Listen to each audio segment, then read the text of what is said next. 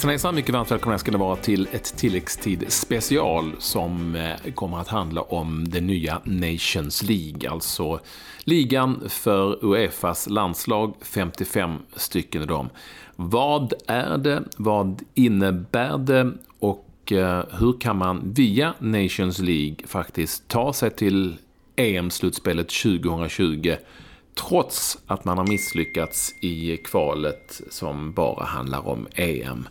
Vi ska försöka få er att förstå, även om det inte är lätt. Vi ska åtminstone göra ett försök.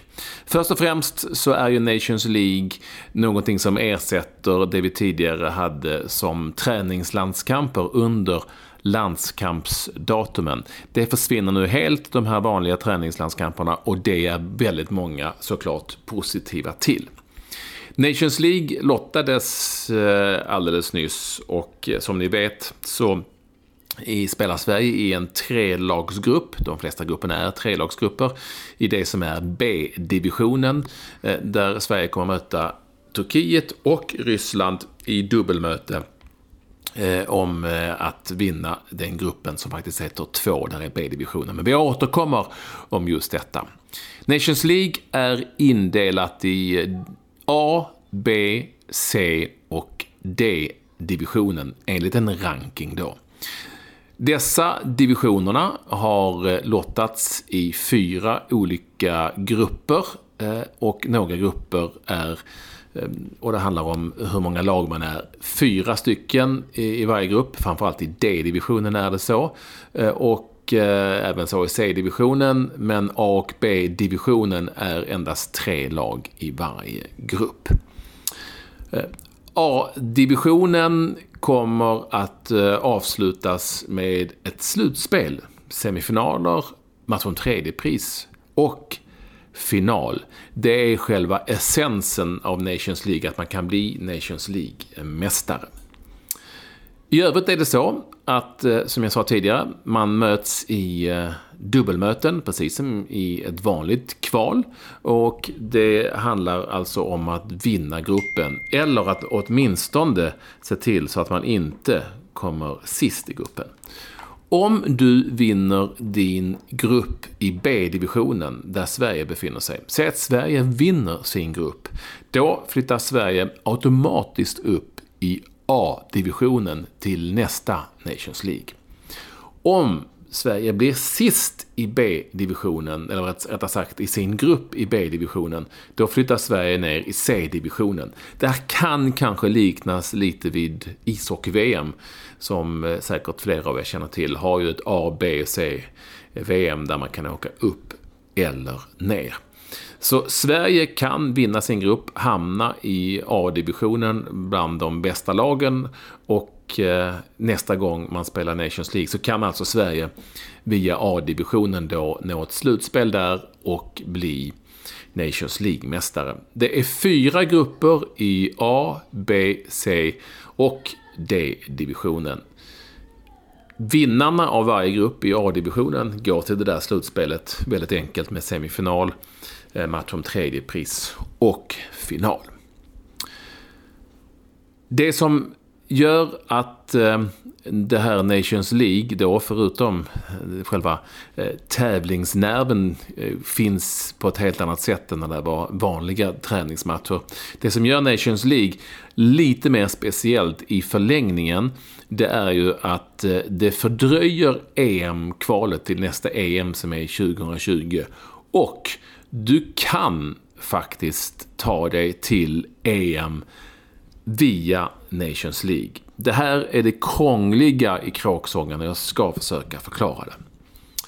När EM-kvalet, som kommer att eh, lottas så snart höstens Nations League är färdigspelat, för Nations League spelas här under hösten fram till och med november. När det ordinarie EM-kvalet till 2020 är slut, ja, då får de lagen som har, eh, inte har kvalificerat sig till EM via EM-kvalet. Och i det här EM-kvalet så handlar det om fem eh, stycken grupper med fem och sex lag i. Där ettan och tvåan går direkt till EM. Men de lag som inte tar sig till EM via EM-kvalet kan få en andra chans om de har gjort det väldigt bra i Nations League.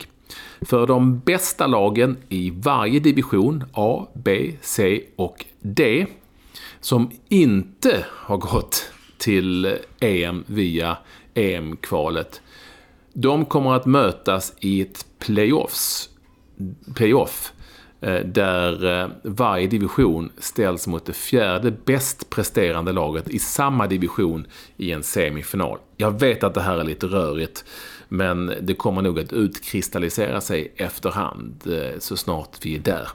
Men du har alltså en möjlighet att via Nations League-prestationen ta dig till en andra chansen, om ni förstår vad jag menar, om eh, man misslyckas i det ordinarie EM-kvalet. Eh, bara 20 av 24 platser till EM 2020 kommer alltså att delas ut via det vanliga EM-kvalet. Och fyra av de här platserna är alltså då eh, till för de lagen som har gjort det väldigt bra i Nations League men inte kvalificerat sig via EM-kvalet. Eh, som sagt, det är lite rörigt. Eh, e EM-kvalet kommer sen att avgöras med matcher i mars, juni, september, oktober och november nästa år. Eh, alltså det som heter eh, 2019. Eh, så det blir inget sånt där utdraget EM-kval som det har varit kanske tidigare. Eh, där man har haft eh, kvalat under eh, i stort sett två år. Det som också är lite special är att man kommer att kvala till EM hela vägen, som går 2020, hela vägen fram till mars. Åtminstone med det här sista playoff som berör Nations League. Ungefär så är det. Nations League kommer att börja spelas här efter VM i september och så spelar man på datumen i september. Två stycken datum där, två stycken datum i oktober och två stycken datum i november. Och där har det då gjort klart hela eh, Nations League-gruppspelet eh, helt enkelt. Och sen är det då det här slutspelet med lagen ifrån A-divisionen som kommer att spelas Eh, i juni 2019. Väldigt mycket där, men jag hoppas att ni fick eh, någon form av inblick i hur det fungerar. Jag ska nu också dra då hur eh, grupperna ser ut i, de olika divisionerna. Så ni vet vilka lag som kommer att möta varandra. Och det är några helt fantastiska grupper där, inte minst i A-divisionen. Som ju är det, den divisionen där man alltså kan, som man spelar i för att vinna hela Nations League. Grupp 1 i A-divisionen, vad sägs om denna? Tyskland, Frankrike Holland. Grupp 2, Belgien, Schweiz och Island. Grupp 3, Portugal, Italien och Polen. Grupp 4, Spanien, England, Kroatien. Vinnarna av de här grupperna möts alltså sen eh, i en eh, semifinal som kommer att lottas och eh, därefter förstås i en final för att få fram en segrare i Nations League. I B-divisionen där Sverige finns är det följande fyra grupper. Grupp 1, Slovakien, Ukraina, Tjeckien. Grupp 2, Ryssland, Sverige, Turkiet. Grupp 3, Österrike, Bosnien, Herzegovina och Nordirland. Och grupp 4, Wales, Irland och Danmark. Vinnarna av de här grupperna går upp i A-gruppen och treorna i A-gruppens grupper ramlar ner i B-divisionen. Eh, och givetvis trean i B-divisionens grupper hamnar då i C-divisionen. C-divisionen eh, lottade så här. Grupp 1, Skottland, Albanien, Israel. Grupp 2, och nu kommer fyra lagsgruppen här. Ungern, Grekland, Finland, Estland. Grupp 3. Slovenien, Norge, Bulgarien, Cypern. Grupp 4. Rumänien, Serbien, Montenegro och Litauen. Och samma filosofi här. Ettorna i gruppen går upp i B-divisionen. De som slutar sist i grupperna hamnar då i D-divisionen. Och så avslutningsvis då D-divisionen med de sämst rankade lagen. Där har vi några riktigt stökiga grupper. Eh, I grupp 1, Georgien, Lettland, Kazakstan och Andorra.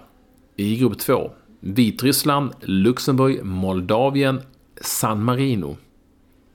Grupp 3, vad sägs om den här? Azerbajdzjan, Färöarna, Malta och Kosovo. Och så då grupp 4 med Makedonien, Armenien, Liechtenstein och Gibraltar. Jag hoppas att eh, jag lyckades bena ut så mycket som möjligt. Det är inte det lättaste och det som är svårast det handlar alltså om hur man tar sig till EM efter EM-kvalet. Men det behöver man kanske inte tänka så mycket på förrän eh, vi är i det där EM-kvalet och vet hur det går. Eh, för då kommer det att reda ut sig själv på eh, någon vänster åtminstone. Tack för att ni ville lyssna till, på tilläggstid special. Lyssna på Andreas Granqvist, Sveriges landslagskapten, i det ordinarie tilläggstid. Eh, så får ni höra vad han vet och tycker om lottningen och om Nations League.